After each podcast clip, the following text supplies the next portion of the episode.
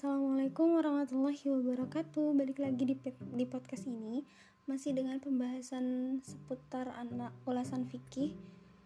Uh, di mana di episode ketiga ini aku akan membahas satu produk keuangan kontemporer yaitu KPR syariah dengan akad murabahah. Disclaimer dulu sebelumnya, bahasan kali ini aku ambil dari berbagai referensi seperti jurnal, berita, dan fatwa-fatwa.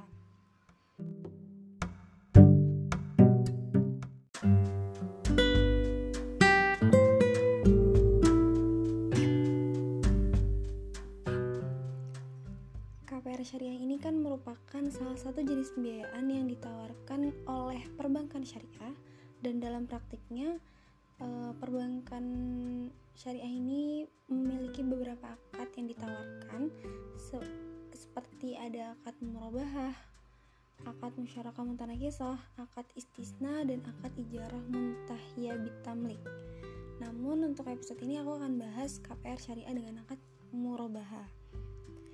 Pada dasarnya kan murabahah ini perjanjian jual beli antara bank dan nasabah yang nantinya bank syariah akan membeli barang yang diperlukan oleh nasabah kemudian menjual kepada nasabah sebesar harga perolehan ditambah margin atau keuntungan yang disepakati antara nasabah dan bank.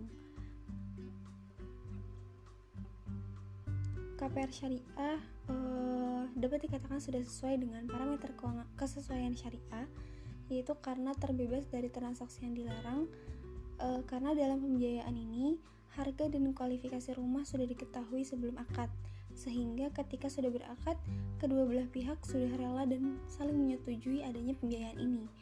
Lalu, sesuai dengan akad atau transaksi syariah, yaitu menggunakan akad murabahah. Dengan adanya produk ini, uh, produk ini memberikan beberapa maslahat uh, untuk orang banyak. Di antaranya yang pertama, uh, Produk ini menyediakan kebutuhan akan rumah yang mana merupakan kebutuhan dasar bagi manusia. Uh, setiap manusia berhak memiliki tempat tinggal atau hunian yang layak sebagaimana yang telah disebutkan dalam Undang-Undang Nomor 39 Tahun 1999 tentang HAM pasal 40 yang berbunyi setiap orang berhak untuk bertempat tinggal serta berkehidupan yang layak. Lalu maslahat yang kedua, dengan adanya KPR syariah akan akad murabah ini uh, salah satu bentuk kontribusi dalam pengembangan keuangan syariah di Indonesia. Lalu masalah yang ketiga ini dapat memudahkan masyarakat yang berpenghasilan rendah untuk memiliki rumah yang diinginkannya. Murabahah berdasarkan fatwa DSN MUI nomor 4 tahun 2000 uh, eh, adalah uh, ketika bank membeli, membeli barang yang diperlukan nasabah atas nama bank sendiri dan pembelian ini harus sah dan bebas riba. Kemudian bank menjual barang tersebut kepada nasabah uh, di mana nasabah ini sebagai pemesan dengan harga jual senilai harga beli ditambah dengan keuntungannya. Dalam hal ini, bank harus memberitahu harga pokok barang kepada nasabah beserta biaya yang diperlukan.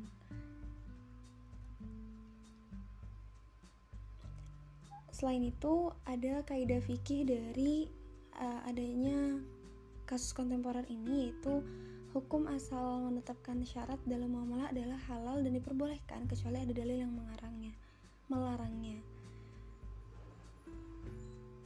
Uh, lalu ada fikih muamalah yang mengatur jalannya transaksi kontemporer ini agar dapat dilaksanakan sesuai dengan prinsip syariah yaitu adanya fatwa DSN MUI nomor 4 tahun 2000 uh, eh, tentang murabahah Fatwa DSN MUI nomor 10 tentang 2000 eh no, nomor 10 tahun 2000 tentang wakalah di mana kata wakalah ini merupakan akad pelimpahan kuasa oleh satu pihak kepada pihak lain dalam hal-hal yang di, yang boleh diwakilkan.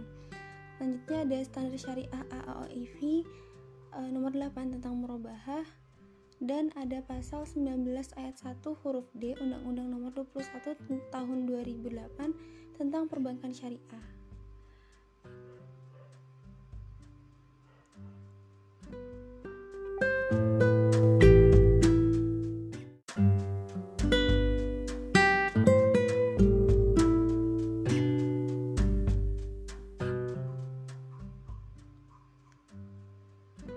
Sekian untuk episode kali ini. Walau alam bisawab, semoga bermanfaat. Sampai jumpa di episode selanjutnya. Wassalamualaikum warahmatullahi wabarakatuh.